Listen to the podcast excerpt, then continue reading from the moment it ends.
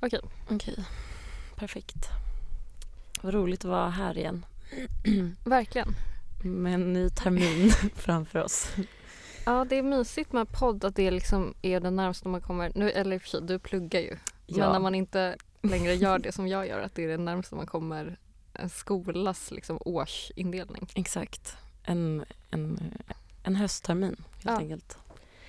Välkommen tillbaka Myrna. Tack så jättemycket Saga. Välkommen Ja. tillbaka till dig med. Tack så Och mycket. välkomna tillbaka ni som lyssnar Ja. till vår podcast. Alla som firar. Exakt. Alltså vad är det? Eh, det, har, det har fått sån, alltså ibland så dyker det upp såna grejer Mm. som alla helt plötsligt säger på internet, alltså på Ja. typ Instagram. Memes. Ett, ett som, så kallade memes. Men alltså som är lite, som är lite mysko liksom. Mm. Alltså typ att jag nu har sett, alltså kanske varje dag att någon har lagt upp typ så här. Jag, har, jag ska ta en öl nu. Eh, grattis till alla som firar. Mm. Typ. Men jag tänker att folk ironiserar och gör sig lite lustiga över eh, folk som så här, typ eh, är prä- präktiga och lite så duktiga genom att typ säga grattis på olika så här, eh, andra religioners högtider typ än kanske den man själv tillhör eller om man inte tillhör någon alls. Liksom. Jaha, är det det det kommer ifrån? Mm, att man säger så här, Okej. ehm, ja, jag, som att jag är världens minst religiöst bildade människa så kan jag inga Men så högtider. här, Eid Mubarak Ja, till exakt. alla till alla som firar. Ja, precis. Ja, just det. Men det är Mm. bara så märkligt för att liksom det har dykt upp alltså så många såna här eh, typ skämt bara de Mm. senaste kanske fem, alltså fyra, fem dagarna. Mm.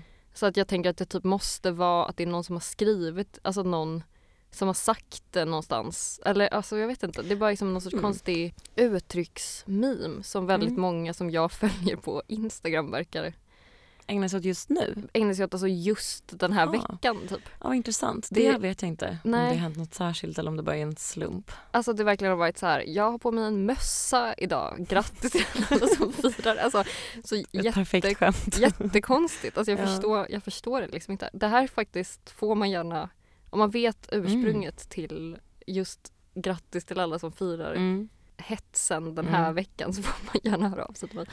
Verkligen. På tal om vår podd. Ja. Jag pratade med eh, Johannes och Emanuel Mm. om att liksom något sorts slutmål för oss borde vara att eh, ta tillbaka de gamla forumlokalerna. Ja, verkligen vilken, eh, vilken bra idé. Jag vet. Vi borde kunna nästan fundraisa det. Ja. Det, det låter jättebra. Mm. Jag vet inte riktigt vad vi ska göra där liksom. men jag känner att eh, Men det får väl vara alltså att läsa ja. Eh, alltså de hade väl den här grejen att de läste vad heter det, Ulysses, mm, just det. typ så stafettläste den. Vi kanske kan göra det med alla Gossip Girl-böcker eller Ja. någonting. en perfekt uppdatering. Ja.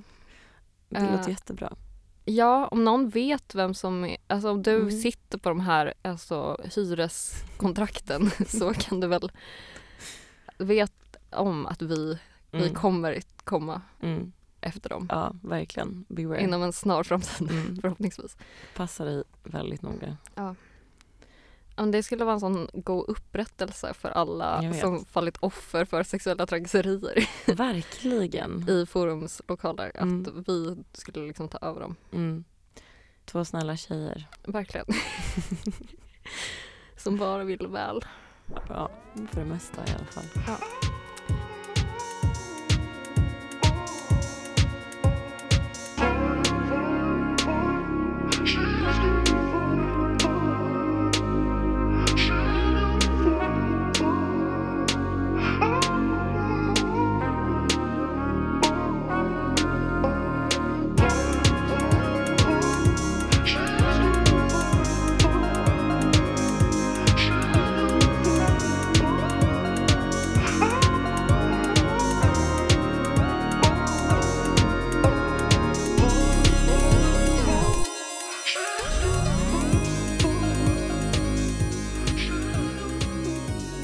Till höstens första avsnitt har vi då äh, läst en bok som jag har pratat väldigt mycket om i olika sammanhang. Mm. eh, den här sommaren. Mm. Men inte läst ändå. Eller nu har jag ju läst den, men då hade jag inte läst den. Nej. Men den heter ju då Everything I need I get from you How fangirls created the internet as we know it. Mm. Väldigt lång titel. Ja, men väldigt inbjudande. Verkligen, man blir intresserad. Den Ja. är väldigt fin också. Den är jättefin. Jag ska lägga upp en bild på den. Ja, alltså jag laddade ju ner den Mm. men eh, den är väldigt gullig, alltså man blir sugen på att läsa den. Liksom. Mm. Det är emojis på den. Ja. Och den har sån eh, så här all caps arial typsnitt. Mm. Väldigt signifikant för en viss typ av internet. Verkligen. Helt klart. Ja, den är faktiskt underbar. Ja, och den kom nu i juni då bara. Aha, är den så ny? Precis, den är jätteny. Det Eh, var och roligt, visste jag faktiskt inte. den är skriven av en person som heter Caitlin Tiffany som är journalist och har skrivit för, eh, typ, hon är amerikansk journalist, hon har skrivit för så eller vänta, är hon från Kanada kanske? Jag tror att hon är från Kanada, Ja, just men hon kanske verkar i USA. Ja, hon har skrivit för så Atlantic och The Verge, lite olika sådana kulturmagasin. Mm. Jag tycker det är så förvirrande när folk har två förnamn som efternamn. Ja, eh, det är riktigt sjukt. Jag läste alltså någon intervju med henne där det var alltså, eh, lite så här på grund av grejer som hon har skrivit inför den här boken, alltså som jag ska komma in lite på vad den här handlar om, men har hon liksom upprört då olika personer på internet som till exempel har startat olika så väldigt så här mikrokonspirationsteorier om att hon egentligen inte heter Caitlyn Tiffany utan att hon heter Tiffany Caitlyn. Perfekt konspirationsteori. Det är verkligen en väldigt bra konspirationsteori. Mm. Så ja, oskyldig. verkligen. Men eh, ja, den här titeln är ju då hämtad från en låt. Mm. Och jag tänkte att jag skulle spela ett litet klipp Gör det. från den låten nu. You a song, one as beautiful as you are sweet, with just a hint of pain for the feeling that I get when you are gone. I wanna write you a song. I wanna lend you my coat, one that's as soft as your cheek. So when the world is cold, you will have a hiding place you can go. I wanna lend you my coat. Ooh, everything I need, I get from you. Och det där var ju då inledningen på låten I want to write you a song Mm. av pojkbandet, det brittiska pojkbandet One Direction. Mhm. Och den här boken handlar ju till stor del om eh, Directioners Ja. som ju är den gruppering av fangirls som skapats runt One Direction. Mm. Och eh, Caitlyn Tiffany är ju själv en Directioner, Ja. väldigt dedikerad Directioner. Mm. Eh, och då tänkte jag att jag skulle, för att förklara lite mer vad den här boken handlar om, läsa ur boken när hon beskriver den här eh, låten. Mm. Och då skriver hon så här. My favorite One Direction song is from the band's fifth album, Made in the AM, released in November 2015. Shortly before the start of their indefinite hiatus, de splittrades ju då Mm. 2015. It's called I want to write you a song and it is earnest to the point of being nearly unpleasant. It really teeters on the edge. It's the discomfort of an adult writing a love letter in crayon and I like it mostly because of the way it explains to me in clear terms my most enduring and childish, ho- childish hopes.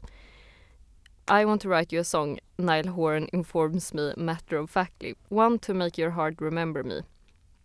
Harry Styles and Louis Tomlinson would like to write me a song as well and lend me their coats or so they say. So when the world is cold you'll have a hiding place you can go. Nu bara beskriver hon ju Mm. vad låten handlar om. Mm. Lion Payne is going to build me a boat. It's so my heart won't sink. This is also generous. It's hard to believe I deserve it. The twist, as revealed in the song's chorus, is that I might. Everything I need I get from you, the four of them say to me in turn. Zayn Malik left the group with a farewell Facebook post eight months prior to the song's release. Eh, ja, Och sen så fortsätter hon ju då med att skriva att det här liksom är eh, för mycket. Ja, Alltså att säga att allt jag behöver får jag från dig ja. är inte en liksom normal sak att säga till en person. Nej. Menar Caitlyn Tiffany då. Det är rent av, tycker hon, pretty twisted att säga det. Hon har ett väldigt roligt språk Ja, tycker jag. ja verkligen. Alltså jag, eh, det var en njutfull läsning. Alltså hon, eh, hon skriver på ett väldigt roligt Mm. sätt. Verkligen. Alltså hon med, tänker, tycker till och med det är ganska cyniskt att eh, säga på det här sättet. Mm. Rikta det, alltså det här typen av budskap till sina fans. Eftersom det liksom spelar på, skriver hon, de oräkneliga parasociala relationer Mm. som lyssnarna har till One Direction. Just det. Och parasocial är då ett ord som beskriver den sortens psykologiska relation en publik upplever i interaktion med offentliga personer genom massmedia. Mm. Alltså först så har man kanske liksom en parasocial interaktion. Mm. Alltså man blir exponerad för en offentlig persona Mm. och det är alltså en kändis typ som gör någonting och då får, blir man intresserad av den. Men det, den här interaktionen blir liksom en parasocial relation efter att man återkommande exponerats för den här personen. Vilket får medieanvändaren då att uppleva en illusion av intimitet, vänskap och ide- identifikation med kändisen. Just det. För att citera Wikipedia. Mm. Ja, och den här boken handlar ju då väldigt mycket om de liksom parasociala relationerna som Directioners utvecklat till medlemmarna i eh, One Direction. Verkligen. Ja. Och är väl ett sorts studie av mm, fankultur. Liksom. Eller det känns som att hon försöker säga generella saker om fankultur genom att studera eh, One Directions fanbase. ja, liksom. precis. För ja. det är den hon har mest inblick i själv. Ja. Och typ, hon vill ju liksom eh, lyfta hur såna här liksom parasociala grupperingar, alltså det är hon väl kanske inte riktigt först med, men typ hur de har förbisetts eller liksom aktivt, att man så aktivt har eh, förbisett och typ förlöjligat såna Mm. fanbases eftersom de oftast utgörs av typ unga tjejer. Verkligen. Men hon menar ju att det, då gör man sig själv liksom en otjänst för att Alltså tidigare kanske man har studerat dem mer som någon sorts liksom passiv mottagare Mm. av och då tänkt att så här, man kan studera dem som typ en grupp utan liksom individuella drivkrafter eller utan någon egen sorts skaparförmåga. Men hon Mm. menar ju att då missar man liksom en, en så stor del av ja, men en typ så här inflytelserik populärkulturell och medial kraft som olika så fangrupper och då bland annat Directioners har varit typ Verkligen. eh, nu och tidigare. Ja, och hon menar ju också att alltså kanske internet 2.0 typ, eller Ja. så internet i termer av sociala medier är sprunget ur, eller liksom att det var fangirls som med sina behov att kommunicera Ja, om eh, det objekt de liksom fäster vid eh, skapade internet liksom. ja Eller precis. skapade normerna för hur, liksom, hur, internet, eh, hur vi förhåller oss på internet idag typ. Ja, exakt. Mm. Ja, vad tyckte du om boken? Jag tyckte att den var jättespännande. Ja, Den är kul. verkligen intressant om man är liksom intresserad av typ sociala medier Ja, och så. Jag är ingen directioner. nej. Ehm, Jag tänkte fråga dig också, vad är din relation Ja. till One Direction? Alltså jag har, jag haft, jag hade liksom en kort kort fas Ja. där jag så, ja men just så som hon beskriver boken, började kolla på någon video eh, Ja. hamnade någonstans bara, såg en One Direction video och sen bara fastnade där typ jättelänge liksom. Ja. Men det varade typ bara i liksom en kväll. Ja, Liksom. Jag blev inte helt svald. Jag hade en väldigt eh, kort och intensiv eh, kärlek till One Direction. Men jag tror att jag var lite för gammal när det Mm. hände. Eh, så jag tror jag kanske var, det var liksom inte så länge sedan, det kanske var när jag var typ 23 eller något. just det. Ja, då, då är man inte lika lätt eh, köpt. nej, liksom. jag tycker det var kul att hon liksom blev Directioner när hon var 19. Alltså var så här, Ja. det här är lite, det är lite väl. gammalt. Men å andra sidan åldras de så himla sent i USA. Sant. Alltså de blir ju liksom Alltså den åldern som man själv är i typ gymnasiet känns det som de kommer i när de är Mm, i college liksom. verkligen. Helt sant. Ja, men Nej precis, jag har faktiskt typ exakt samma upplevelser. Mm. Men jag höll också på, alltså jag låtsades lite vara typ en directioner i Mm. gymnasiet för att jag tyckte att det var lite kul. Ja, jag hade det med Justin Bieber. Ja, Ehm, hade jag. Jag hade en Justin Bieber-tröja på mig och Ja. typ så tyckte att det var sjukt edgy av mig att jag var så gillade Justin Bieber när alla andra hatade honom. ja, Men jag tror aldrig att jag var, jag var liksom aldrig besatt så på riktigt. nej. Men jag hade också så här en lit, alltså kanske också så en kväll där Mm. jag tittade väldigt mycket på olika så Larry Ja, just det. montage Just det, och just det. eh, kolla på alla deras videos och sådär. Ja, det är väldigt intressant. En ganska stor del av boken handlar ju om eh, Larrys som är då folk som chippar Harry Styles och ehm, Louis, Louis Tomlinson. Tom, jag kan inte uttala. Det är också sånt konstigt för och Ja, efternamn. verkligen. Förnamn. Och att det finns väl, det är liksom en subkultur i den här One Direction fankulturen liksom. Ja, Att man är en Larry. precis. Eh, en väldigt stor subkultur vad det verkar. Ja, det är liksom en splittring inom hela, Mm, alltså som går genom fandomen. Att exakt. antingen är man en Larry eller så liksom fucking hatar man Larry. Exakt. Det var faktiskt sjukt, eh, det var väldigt intressant att Ja, läsa om det. väldigt infekterat. Ja, alltså för det känner jag att jag inte har någon insyn i riktigt. Nej, Eller det har jag uppenbarligen inte. men jag tyckte typ att en grej som var, det, det är kul för det har ju vi pratat, just för att vi har läst ganska många böcker nu som har handlat om att på något sätt försöka dokumentera liksom viben på Mm. sociala medier, Mm. vad man ska säga. Så jag tyckte verkligen att den här boken typ lyckades med det. Mm.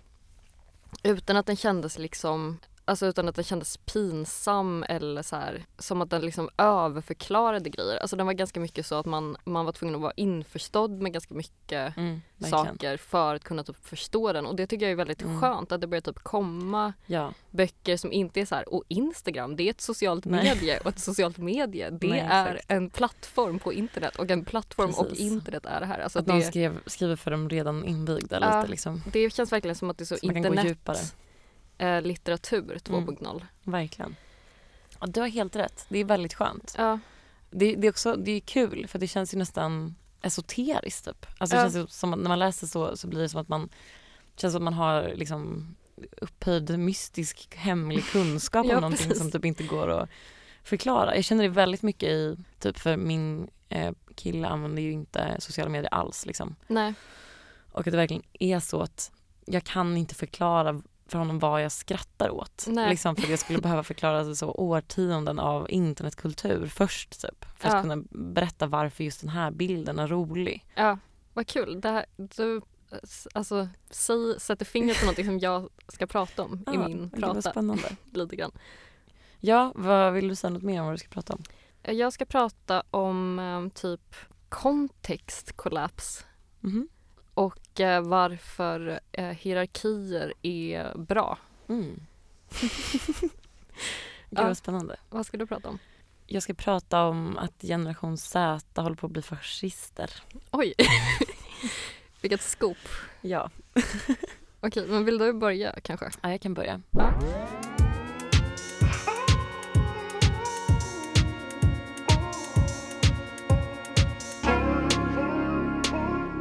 Först och främst så skulle jag vilja säga att jag tycker att det är kul, eller det känns som att den här boken sätter fingret på många grejer som vi har pratat om innan Mm. i tidigare avsnitt. Och det kändes som att jag fick en mer typ eh, sociologisk och nästan typ materiell förklaring till varför internet är tjejernas plats nu, Ja. liksom idag. Verkligen. Alltså det som vi var inne på med här, kultursidor och sociala medier och kvinnliga värden och, och så liksom. Men det här känns mer så här, ja men som att det finns en riktig bakgrund till hur det har blivit så. Ja. Det var ett citat som jag tyckte var så jävla eh, roligt. Hon skrev In public, fangirls were a joke. A ball of hyst- hysteria, so noisy. On internet, the joke was on everybody else. Mm. Man kan applicera det större typ. Ja. Att Även fast man inte är en fangirl så är det liksom Att vara på internet som tjej känns som att det här är min domän. Typ. Det, det, här är, det här är min plats. Och the joke is on everybody else. Ja, verkligen. Ja, alltså jag har kanske ett scoop. Mm. Men det är, eh, det är ganska luddigt än så länge. Eller jag känner att jag har en väldigt tydlig idé men jag har haft lite svårt att få ner den i ord. Men jag ska prova. Jag tänker att vi kanske ska hjälpas åt lite också. Mm. Jag tänker vi kan i alla fall enas om en grej och det är att samhällsdiskursen pågår i någon sorts eh, pendelrörelse. Ja. Eller man brukar ju prata om det, liksom att så här, först är världen på ett sätt och sen så svänger pendeln och så liksom uppstår någon sorts eh, antites till det som har varit. Typ. Ja, precis. Och det här brukar ju liksom beskrivas bara, eller det känns som att jag har hört många som säger att det är en sorts liksom långsiktig revolt mot föräldragenerationen typ. Att Ja. det är att pendeln svänger i, liksom, i takt med eh, att en ny generation tar över. Eller man ska säga blir äldre, får makt typ. Men eh, just nu är det någonting mycket obehagligt som håller på att hända. Och det är då som jag sa att generation Z håller på att bli fascister. Och jag tänkte med hjälp av den här boken försöka förklara för, eller, ja, försöka förklara var, varför jag tror att det, det här håller på att hända. Mm. Om man skulle först kunna börja med bara snabbt definiera vad generation Z är. Jag tror inte att någon har missat det, men det är då ungefär folk som är födda mellan 1995 och 2009 och de brukar också kallas för internetgenerationen eller den Ja. uppkopplade generationen. Och något de också på senare tid har fått tillskrivit sig är att vara väldigt woke. Ja. Att de är väldigt antirasistiska, de är feminister, de är vegetarianer, de är miljökämpar, de är eh, mer eh, hbtq-vänliga eller vad man ska säga. Ja. Och under valrörelsen 2020 så blev det nästan lite eh, som ett krig mellan TikTok som man skulle kunna säga får, eh, i alla fall i det här exemplet, stå för Vänta, den här alltså generationen. 20, 20, valrörelsen 20, 2020? Var det inte val i USA 2020? Ja, ja, just det, i USA ja. Ja, förlåt. Ja, alltså den här tesen jag lägger fram är väldigt baserad på amerikanska ungdomar kan jag Ja. säga. Men det är väl, alltså, det känns som att eh, ungdomar i Sverige och i typ alla andra länder lever ju liksom mentalt i USA. Ja, exakt. alltså de är precis. någon sorts amerikanska medborgare by Ja. proxy. Typ. Verkligen. Det är en väldigt amerikansk kontext som man rör sig i om man är online. Ja, ju. exakt. Men ja, det blev i alla fall nästan lite krig mellan TikTok och eh, Donald Trump. Och man kan säga att TikTok är som en eh, representation för den här generationen. Så kan man väl säga att Donald Trump är någon sorts representation för, eller en antites till det som den här generationen står för då, alltså wokeness. Liksom. Så Donald Trump, vi har ett krig mellan TikTok och Donald Trump. Och det hela började med att eh, Trump-administrationen twittrade att väljare kunde registrera sig för gratisbiljetter till ett Trump-rally som skulle vara i Tulsa, Oklahoma Mm. i juni 2020. Och TikTokare och kanske framförallt K-pop-fans hittade och spred den här informationen och uppmanade andra att registrera ehm, sig för biljetter. Ja. Men sedan då aldrig dyka upp. Och detta gjorde man då för att det skulle se mer tomt ut på läktarna. Eftersom att man i sådana här rallyn liksom gör någon sorts eh, estimering av ungefär hur många människor som kommer dyka upp och sen så liksom, eh, täcker man för alla stolar som man tror kommer bli tomma så att det inte ska se ut som att det är tomma stolar. Så det var det som var poängen med det här pranket eller vad man ska kalla det. Jag ska läsa ett litet citat från en artikel i New York Times som skrev om det här. The trend quickly spread on TikTok where videos with millions of views instructed viewers to do the same as CNN reported on Tuesday. Oh no, I signed up for a Trump rally and I can't go, one woman joked, along with a fake cough in a TikTok posted on June 15. Ja.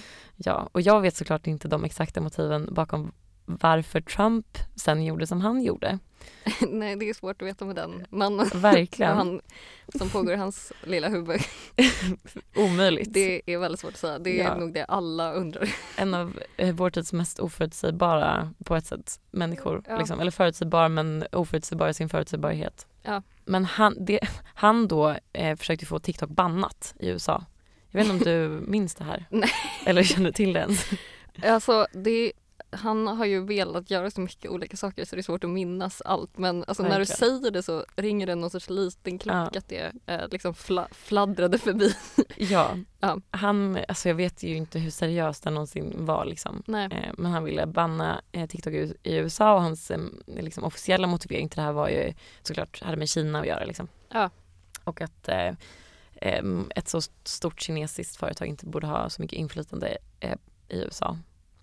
Där föreslog han då i juli 2020, så det var ju ganska kort därefter. Ja. Som man vet aldrig. Ja, men vad är det då som får mig att tro att den väldigt woke TikTok-generationen kommer att bli fascister? Mm.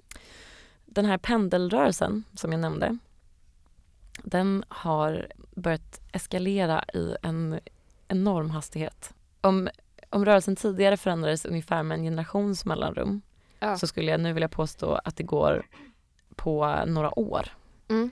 Och det som nu håller på att hända är då att generation Z håller på att vända sig mot sig själva. Eller sina forna jag, eller vad man ska säga. Mm. Det de var för några år sedan. Och egentligen är kanske inte detta något nytt i sig. Att ungdomar liksom växer upp och reviderar vissa, eller ganska många av sina ståndpunkter. Jag vet att Nej. jag har gjort det med väldigt många grejer som jag tänkte och tyckte när jag var typ 15 Ja, eller verkligen. ännu yngre. Men skillnaden för den här nya generationen, generation Z, är att alla de högljudda och extrema åsikter som de har haft om saker inte bara har dokumenterats online utan också givits ett sorts ganska unikt existensberättigande och givit väldigt mycket makt. Liksom. Ja. Folk har lyssnat på vad de har att säga. Ja. Och det är liksom, jag skulle besk- vilja beskriva det som att det de senaste åren har funnits en sorts så fankultur runt wokehet. Hur tänker du? Men att det har funnits en väldigt stark trend Mm. eh, i samhället att vara woke. Och den här trenden har vi sett framförallt online men också i samhället i övrigt. Alltså typ att företag så pink och green washar sig. Sverigedemokrater tvingas komma ut som feminister. Ja. Vi har icke-binära Disneyprinsessor. Ja. Eh, liksom den här eh, väldigt eh, skarpa vändningen som jag upplever i alla fall kom väldigt fort. Ja. Väldigt snabbt liksom, tog sig in i samhället och blev eh, väldigt tongivande. Och Caitlin Tiffany skriver när hon förklarar hur mycket pengar som har tjänats på fans och kanske specifikt One Direction fans. Hon skriver fandom is a dominant mode of commerce. Mm. Det wokeheten också har lyckats göra, eller den som trend i alla fall, är att den har väckt den största kommersen av alla kommerser. Typ.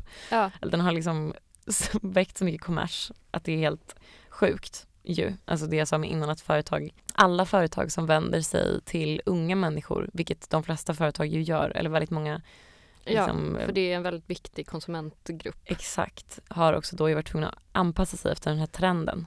Ja, alltså för man kan ju tänka, det är kul för att jag läste typ precis om, alltså apropå det att trender går som en pendel liksom, Mm. eller så här samhällstendenser. Mm. Och så höll jag på att läsa eh, alltså No Logo av Naomi Klein som handlar om typ reklam som Mm. skrevs för 20, alltså den kom i slutet av 90-talet.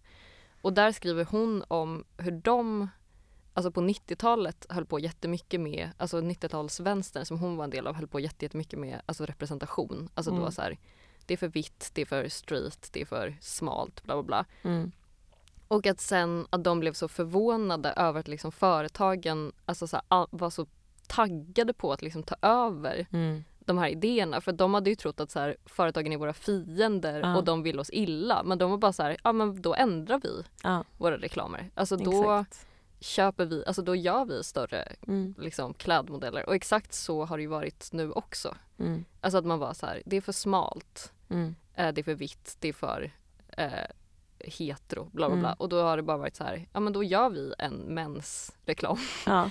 Då har vi en, Där blodet är rött och inte blått. ja då har vi en reklamkampanj som är att olika människor med eh, olika typer av kroppar får så här posta bilder och sen tapetserar vi vår butiksvägg med dem. Alltså, Ja. alltså att man är så här, jaha var det så lätt Mm. typ? Ja, Verkligen, då blir Eh, man misstänksam. ja, då känner man att det var något som var fel med det man ville åstadkomma. Ja, liksom. då var det kanske inte så subversivt som man trodde eller Nej. snarare kanske så är den idén om makt inte så, finns inte så mycket makt i den egentligen liksom. Nej, Det är sån precis. fejkad makt typ. Ja. Precis, det var väl det jag menar att så här, den här trenden som har varit med wokehet Ja. har gladeligen liksom tagits emot av företag och inte bara inte bara för att det varit en sådan enorm trend utan jag tänker att det också har att göra med för att det liksom i wokeness finns det en inneboende uppmaning att liksom göra någonting. Mm. Typ. Alltså det är inte bara en trend som andra trender, typ så här en, ah, jag vet inte vad som skulle vara ett liksom lämpligt um, jämförelseobjekt typ.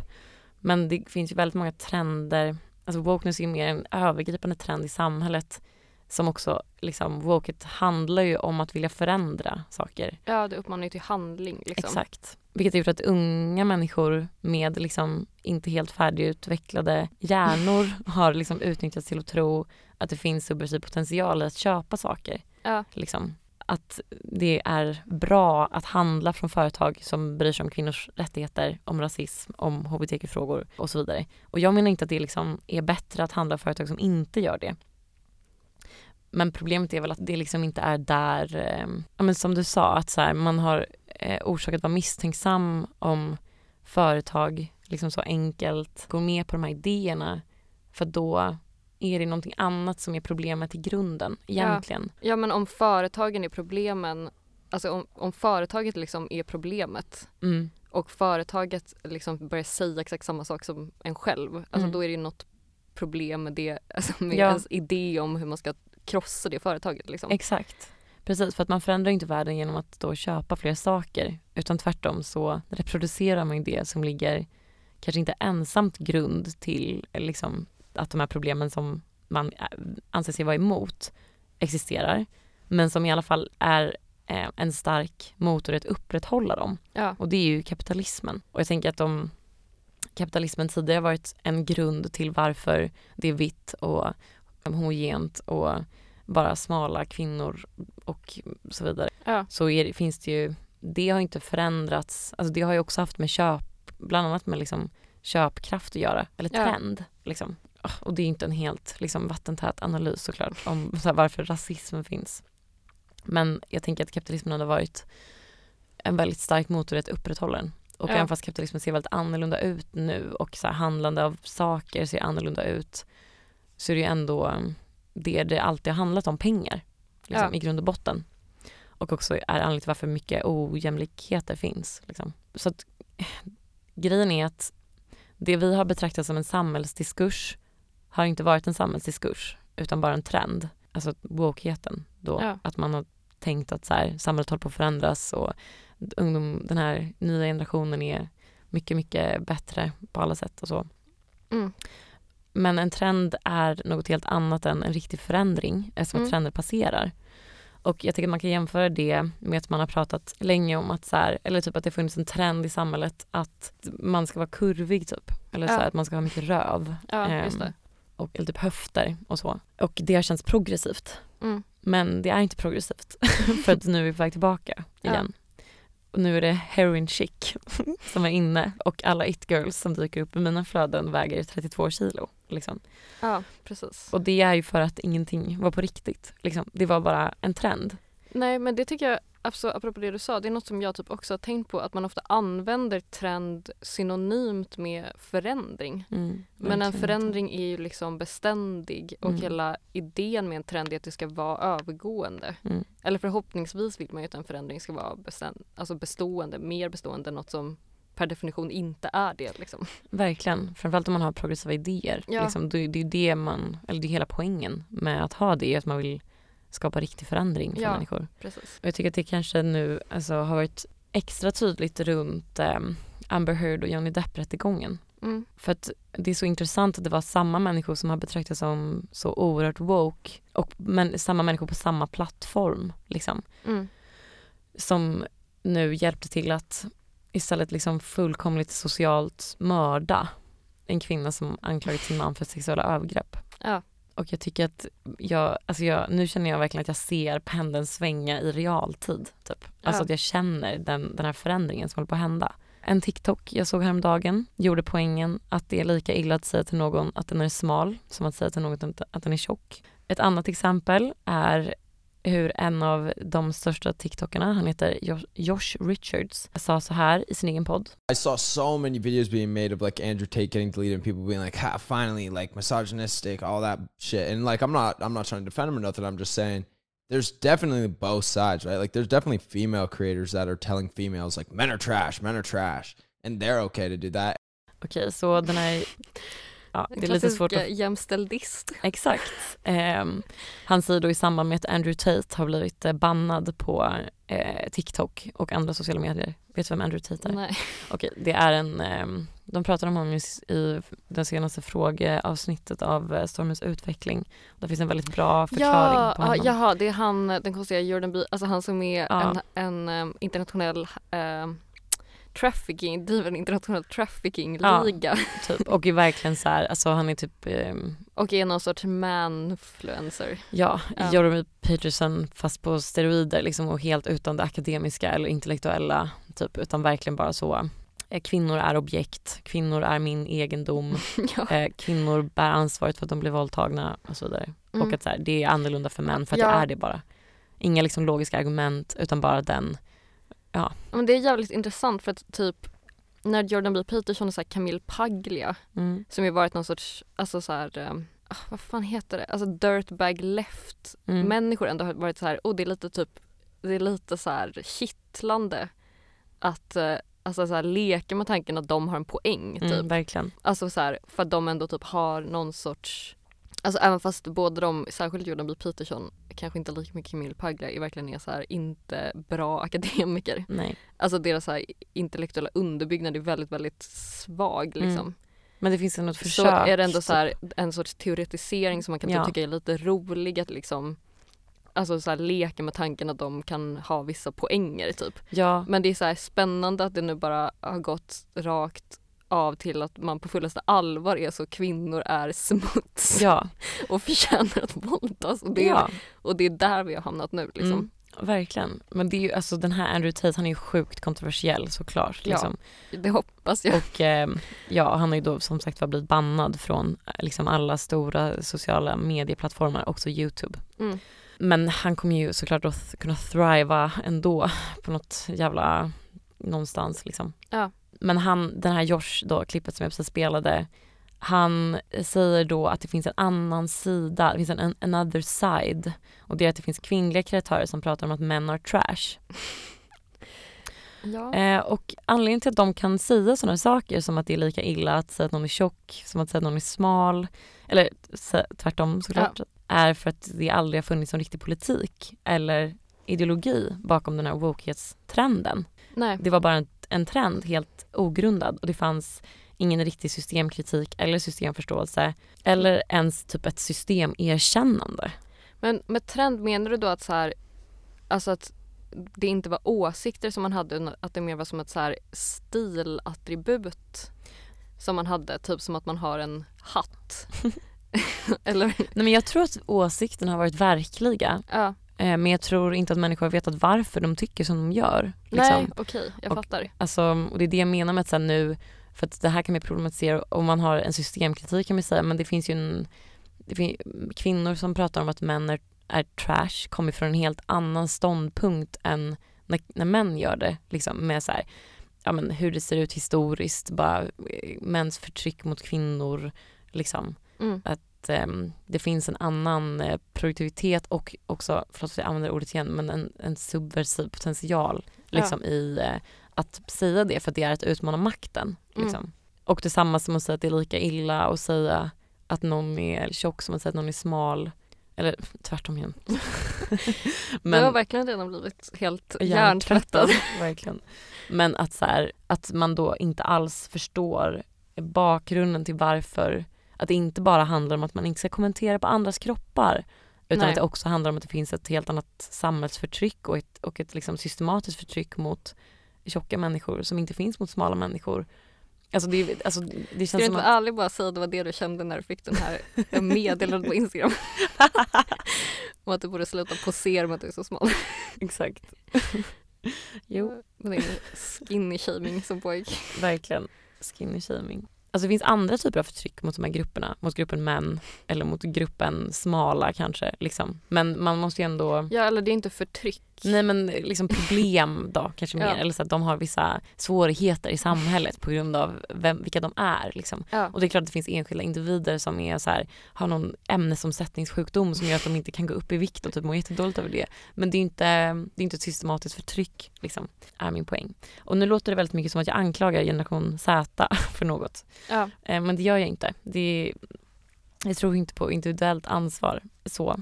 Men det, min poäng är snarare att liksom det här är en förändring som har skett i hela samhället. Att det inte finns någon ideologi och ingen politik utan bara kommers och populism och trender. Mm. Typ. Det är val på söndag.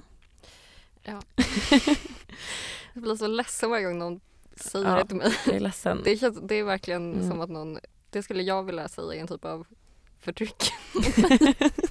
så det Det är bra. på söndag. Och att folk pratar om det. Ja. Jag har ingen aning om vad några partierna vill med sin politik. Nej, Eller, jag, jag- jag vet liksom inte ens vad de, vad de står i olika frågor. Nej jag har faktiskt absolut ingen aning Jag vet det inte ens heller. vilken ideologi de olika partierna går efter längre. Det enda jag vet är vad de olika partierna står i frågan om invandrare.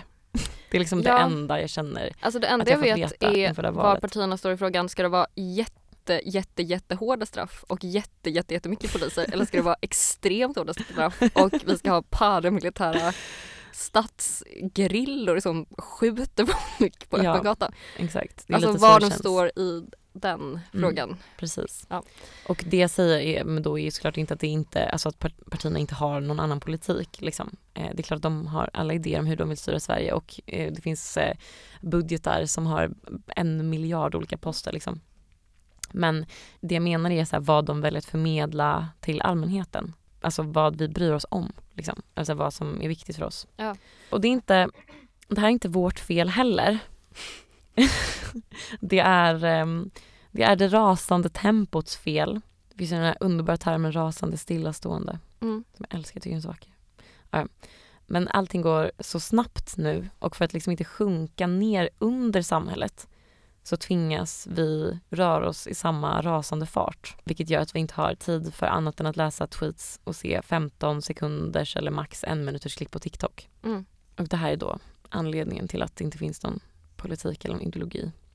Och den extremism som fankultur ju är, Mm. gör, är liksom också, förutom tempot, är också en anledning till att pennor rör sig snabbare. För att mm, ju mer, alltså det jag menar att det finns en sorts fankultur runt wokehet ju, vilket har gjort den mer extrem. Liksom. Den har extremerat åsikterna inom den. Och det gör att antitesen också kommer att bli mycket starkare än vad den skulle behöva vara. Alltså jag tror att det kommer uppstå som en, en liknande fankultur runt det motsatta snart. Och det är också för att mycket av liksom den maktutövningen eller så här, den maktkrigen som pågår, pågår väldigt mycket på sociala medier eller är i alla fall influerade av hur det funkar på sociala medier för att allt, för att det ser ut så nu bara liksom, för att det är så.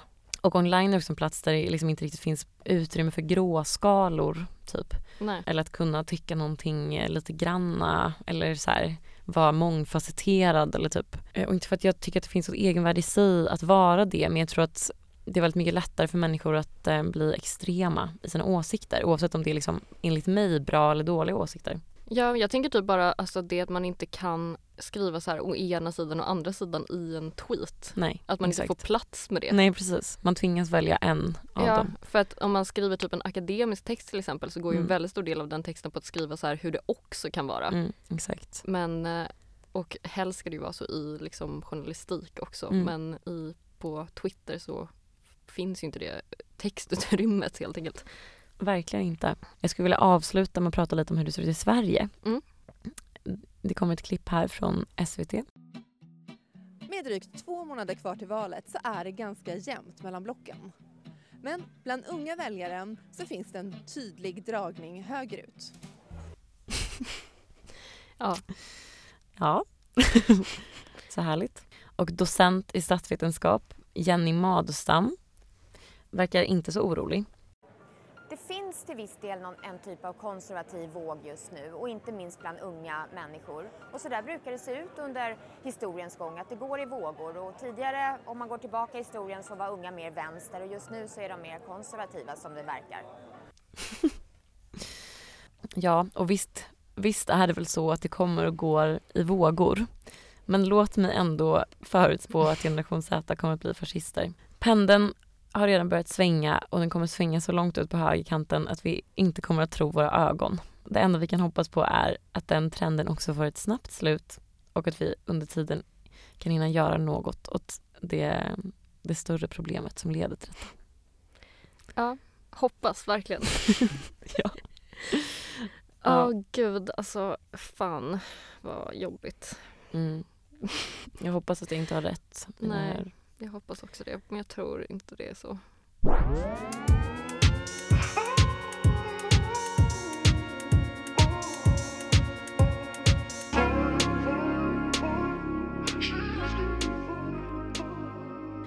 Ja, alltså precis som du sa tidigare med det här citatet om att the joke was on everybody else Mm. så tänker jag att ett um, alltså ganska centralt tema i uh, Caitlin Tiffany's bok är eh, ironi. Mm. Och hon gör liksom en sorts omläsning av den så stereotypa bilden av en fangirl som kanske har varit liksom rådande tidigare och fortfarande är det mycket liksom. Som är att det är ett sorts passivt offer som då typ faller offer för eller liksom blir förhäxad av sin idol Mm. och så här tappar all självkontroll och också är helt eh, självförnekande typ. Mm. Alltså det handlar om att liksom ge sig själv, alltså överlämna sig själv helt och hållet till någon annan. Och att så här, det är en typ av person som är ganska humorlös och svag typ. Mm. Men hon, Caitlin Tiffany då menar liksom istället att idoldyrkande ofta är ett så medvetet, alltså ett självmedvetet uttryck för självdistans liksom och Mm. eh, självironi och humor och eh, sarkasm typ. Mm. Hon skriver så här. The trope of the screaming fan ignores the possibility that some fans know they're being looked at and that they don't care. This style of self-aware acquiescence, som betyder typ eh, medgivande eller underkastelse, to an irrational passion may always have been part of the screaming fangirl experience. Och då tar hon till exempel upp ett väldigt roligt exempel som om eh, ett gäng unga kvinnliga Beatles-fans Mm. som startade en grupp som kallade sig själva för Beatlemaniacs Mm. som skulle då vara liksom en sorts gruppterapi för Beatles-fans som hade tappat kontrollen och de erbjöd så avtändningslitteratur och sådär. Och den här gruppen tas upp i ett nummer av eh, Life Magazine Mm. som liksom beskriver den som att den är på fullaste allvar så under rubriken How to kick the Beatle habit. och då skriver Caitlin Tiffany The club was obviously a joke. Its rules included such items as uh, do not mention the word, the word Beatles or Beatles. Alltså bandet eller då uh, skalbaggar. uh, do not mention the word England, do not speak with an English accent and do not speak English. But nobody's trying to see self-critique or sarcasm in fans. Seeing them toy with their own image, recognize their own condition or mess with anyone's heads contradicts the popular image that has circulated for the last hundred or so years. Mm. Och den här boken som vi redan har pratat lite om går ganska mycket ut på att så väldigt grundligt gå igenom en massa olika former och uttryck som One Direction fandomen har antagit på framför allt Tumblr och Twitter. Mm. Och vad som tycks vara gemensamt för liksom alla de här uttrycksformerna, och, alltså det är olika typer av memes och fanfiction och liksom Twitter-trådar och äh, ja, in, liksom, internskämt på olika sätt, är att de till ganska liten del handlar om att um, uppskatta One Directions musik. Mm. Alltså Tiffany skriver ju själv flera gånger att deras musik liksom inte är särskilt bra. Ja. Alltså den är ganska generisk och så pinsam. Mm. Utan mer att så använda One Direction som material eller projiceringsyta för väldigt så invecklade specifika självrefererande skämt. Mm. Och Caitlin Tiffany beskriver till exempel en Tumblr som heter eh, Bad 1D Images som samlar särskilt så cursed eh, One Direction memes. Hon beskriver till exempel ett inlägg som fastnat som bara är så här a, collect- a collection of images plotting the outfit you wear to jump in front of Niles car. It included uh, it, in- it includes a blue gown covered in Swarovski crystals and a microwavable kid cuisine meal with Shrek branded packaging. Och Hon menar att de här typen av memes is seeming to reach for the only higher pitched and more confusing emotional reaction imaginable for someone who already feels as strongly as they think is possible. Ja. Och hon skriver då vidare om att scrolla igenom den här memesidan. Det här är ett ganska långt citat. If there's a joke, what is it? I didn't think I knew until I scrolled through so many bad images that I no longer understood what any common nouns directly signified and could not remember how to put together a sentence. That's when I really started laughing. The joke is that we have talked so much about these people that we no longer have anything left to say that isn't totally absurd. Just det.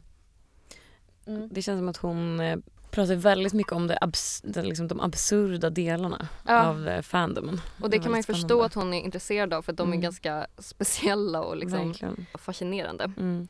Men det här hon beskriver är ju liksom inte specifikt för One Direction, Nej. tänker jag. Utan alltså hela internet består ju till stor del av den här typen av liksom kaotiskt, så här geggigt, för upphöjt och invecklat innehåll. Alltså precis Mm. som du beskrev att så här, det krävs tio år av Mm. liksom att varit på sociala medier för att typ förstå varför man skrattar åt Ja, någonting. verkligen.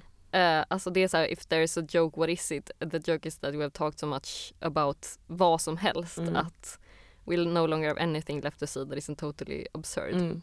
Verkligen. Och så det finns liksom en sorts meme-genre och jargong som kommit att omfatta allt större delar av innehållet på internet som bara är så ful, mörk, oestetisk, Mm. märklig, illavarslande och eh, helt absurd.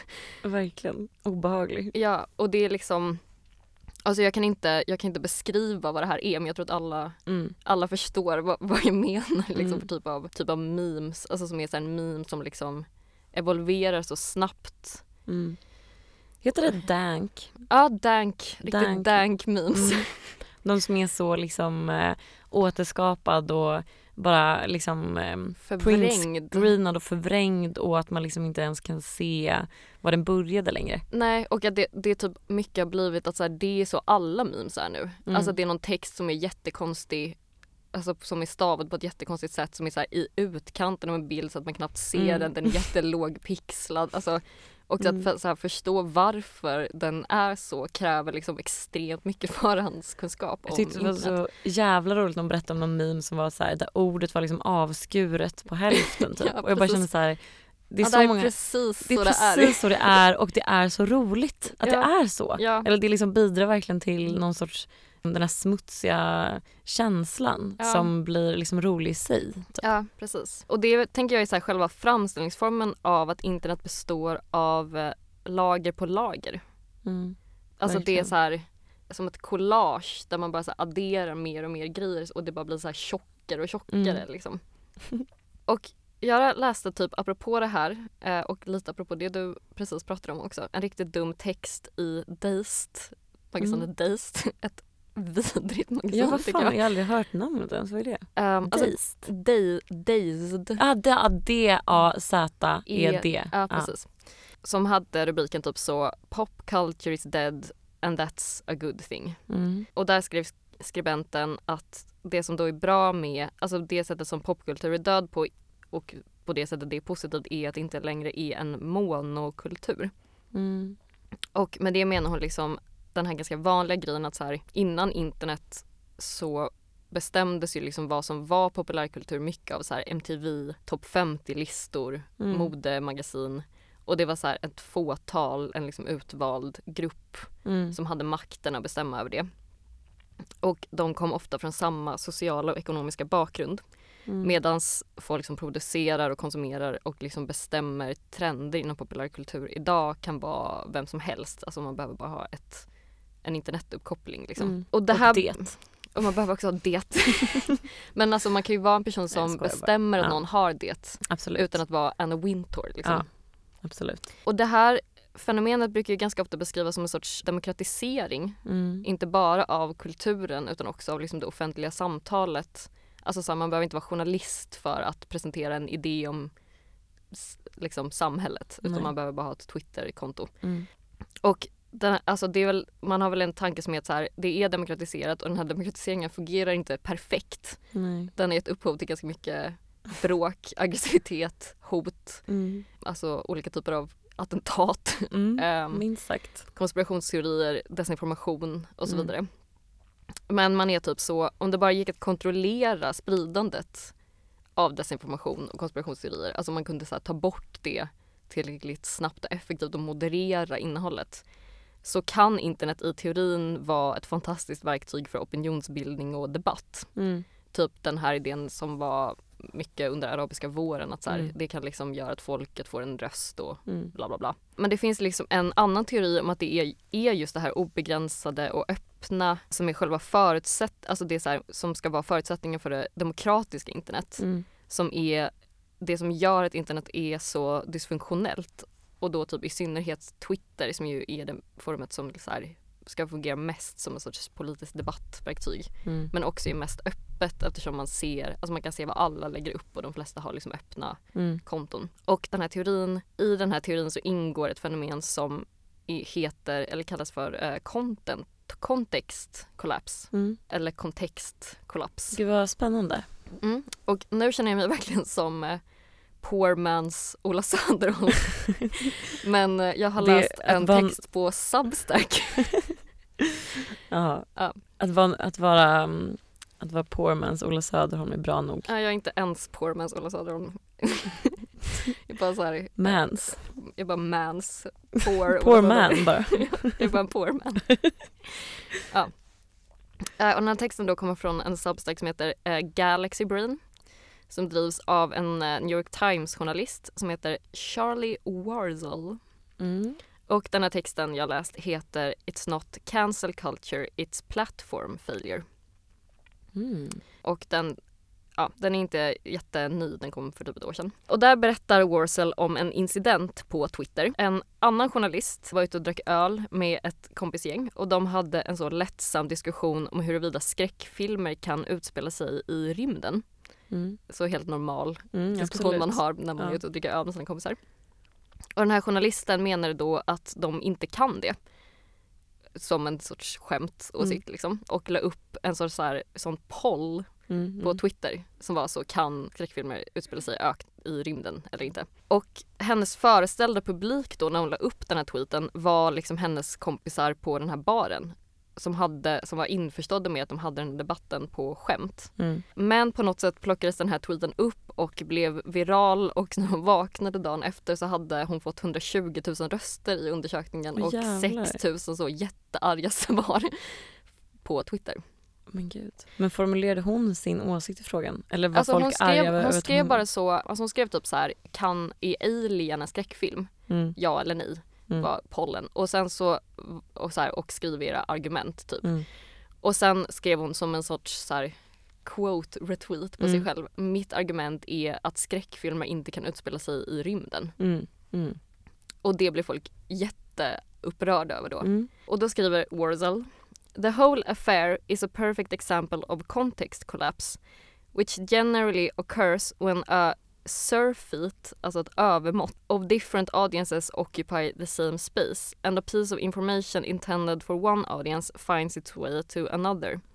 Just det. Usually an uncharitable one which then reads said information in the worst possible faith. Alltså när man har en föreställd publik för en viss information och sen så kommer den till en helt annan föreställd publik som Mm. har en helt- annan förförståelse för vad det är man vill säga och lä- alltså, tolka det på det minst, Mm. alltså, minst välvilliga sättet i ond tro. Mm. Det är, måste jag säga, något av det värsta som kan hända en online. Alltså att en tweet försvinner bortom ens targeted audience. Liksom. Det var väldigt kul. De skrev, alltså den här eh, substacken hade lite olika tweets Mm. som handlade om det här ämnet typ. Mm. Och en sån tweet var så Varje dag är det en huvudkaraktär på Twitter och målet är att aldrig bli den huvudkaraktären. Ja, exakt. Jag har inte Twitter själv men Nej. jag förstår liksom vad de Ja. menar. Det, är också, det behöver inte ens vara att man hamnar i en, hos en publik som tolkar, tolkar en liksom, eh, ovälvilligt eller så. Eller elakt. Utan det kan också bara vara att man hamnar hos en publik som tolkar en helt fel.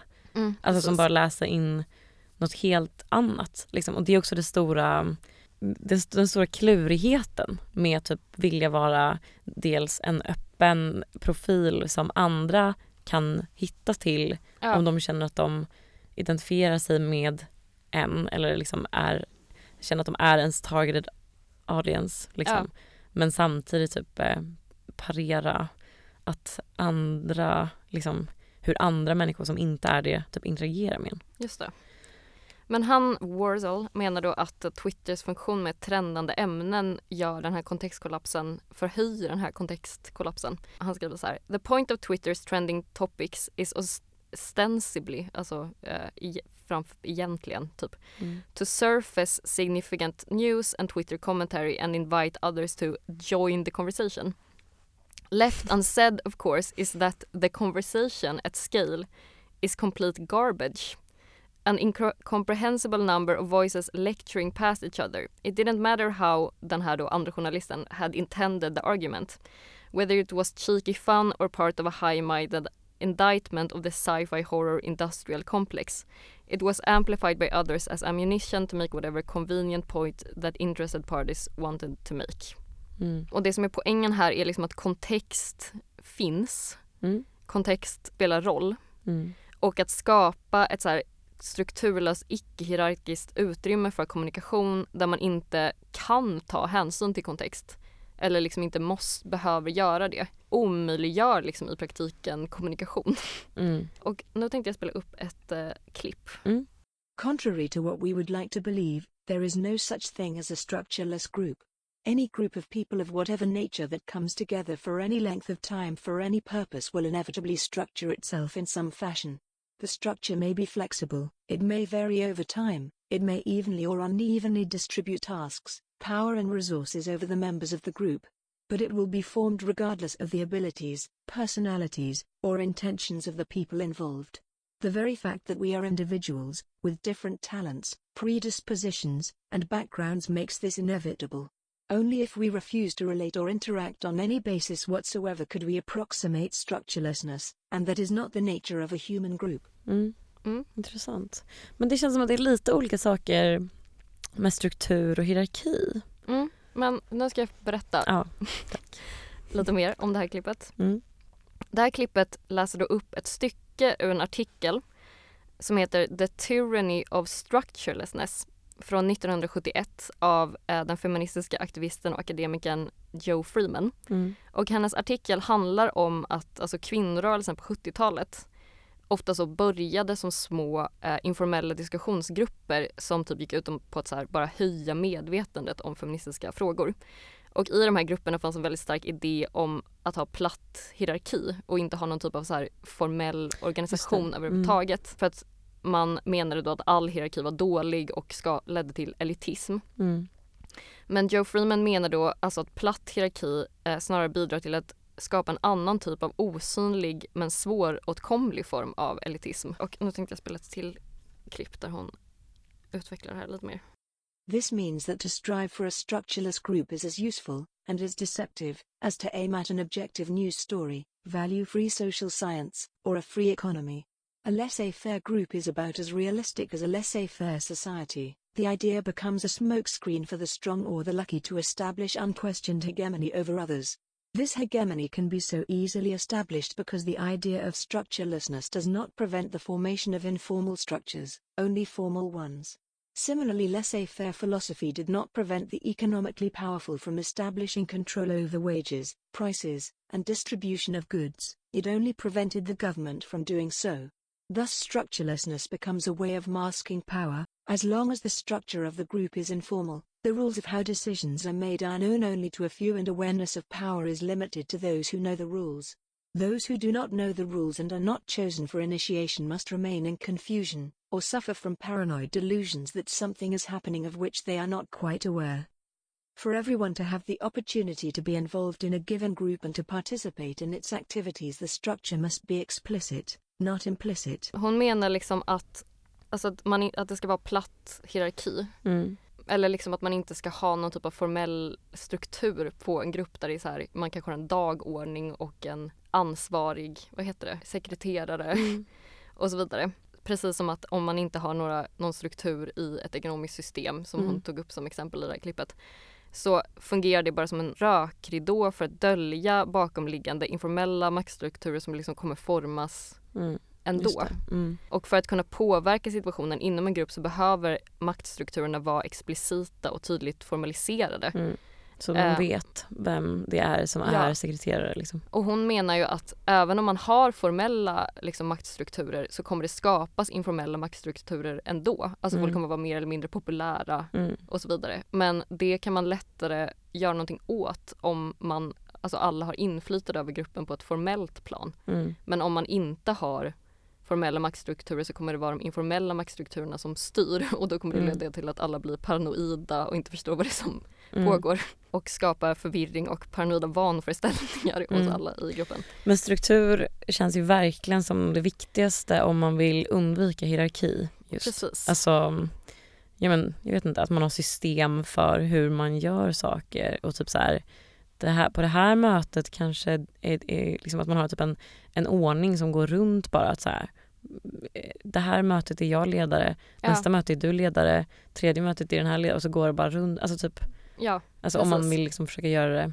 mm, hierarkilöst ändå, även i det liksom. ja, alltså det är klart att man kan ha en idé om att man inte ska ha några fasta hierarkier som Mm. ska bli liksom cementerade. Men det här Ja. att alla ska ha, att man inte ska liksom skapa någon typ av eh, ja, formella strukturer helt enkelt. Mm. Det är inte riktigt kanske samma sak som platt hierarki men eh, Nej men det Ja. är ändå, jo men typ.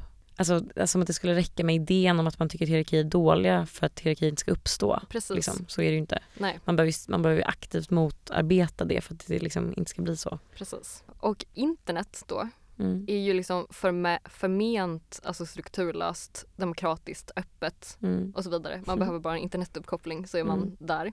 Men dels så finns det ju så här rent faktiska bakomliggande maktstrukturer i själva mjukvaran. Alltså vem som styr algoritmerna Mm. och tjänar pengar på dem Mm. och all data som samlas in och hur internet är utformat och så vidare. Liksom. Eller internet men olika sociala plattformar. Mm. Och den, det här är ju liksom osynligt för användarna. Man har ju sj- själv liksom insyn eller makt i hur det fungerar Nej, eh, när man är på Twitter till exempel. nej. Men sen är det ju också den liksom förmenta strukturlösheten för innehållsskaparna som liksom leder till eh, kontextkollaps, förvirring och Mm. paranoida vanföreställningar.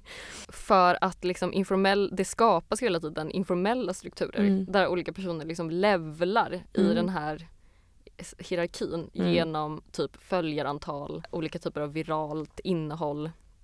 Att om man lyckas liksom säga något på ett riktigt slagfärdigt bra sätt som alla tycker jättemycket om. Mm. Men eftersom de här strukturerna är informella så blir man ju ganska snabbt missnöjd med den här nya makthavaren och vill att den ska krossas. Så gör den det Mm. och så skapas det en ny informell struktur och så Mm. vidare. I olika då grupper som hela tiden möter varandra i sån här kontext Just det. kollapssituationer och så vidare. Och den här Deist-skribenten menade att det här ironiserandet som jag pratade om tidigare som är så liksom utmärkande för internet handlar om att man i scenkapitalismen vill skapa ett psykologiskt skydd mot en demoraliserande verklighet. Ja. Men jag tänker att den här liksom surrealistiska humorn som typ One Direction-fans och en stor del av alla internetanvändare jobbar med snarare handlar om att försöka skapa stabila kontexter. Mm. Definitivt. Alltså att man vill skydda en liten del av det offentliga rummet från inkräktare. Mm.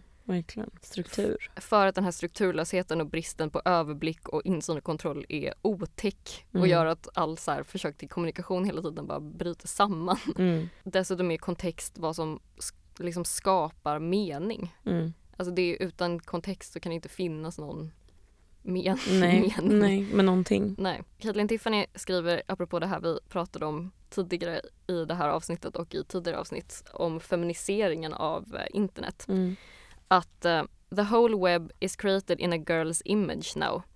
What all of this means is still fuzzy. Modern mannerisms and language and platforms of communication are styled to make more sense for fan culture and girl culture than for almost anything else. Mm. But does that effort translate into power for anyone in particular? Och det gör ju inte det. Nej. För att utan tydliga strukturer och en dagordning och en ordförande Mm. och en suppleant och en organisation så finns ingen makt. Nej, verkligen Då inte. finns det bara makt för dem i den informella st- strukturen.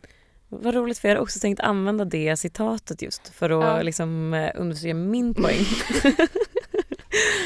Att det är- finns makt. Nej tvärtom. Att det inte finns någon makt. finns, alltså att det bara är trend och ingen makt. Alltså typ att så här, man som eh, tjej, eller typ att man kan känna så här, ah, men jag har makten som att nu förändras med företagen för min skull, efter min vilja. Typ, Ja. Alltså i förhållande till wokehet då liksom. Ja. Alltså ah, men vi har Nu skillnad, det står är det makt. We should all be feminists på en Exakt, t-shirt. precis. Som någon, ett barn i Burma har sytt. Exakt, precis. Men att det ju inte är makt. Nej. Det är ju inte det. Det är ju bara, ja, Ja. kalla det vad man vill men det är inte makt Men i alla fall. makt är det fan inte.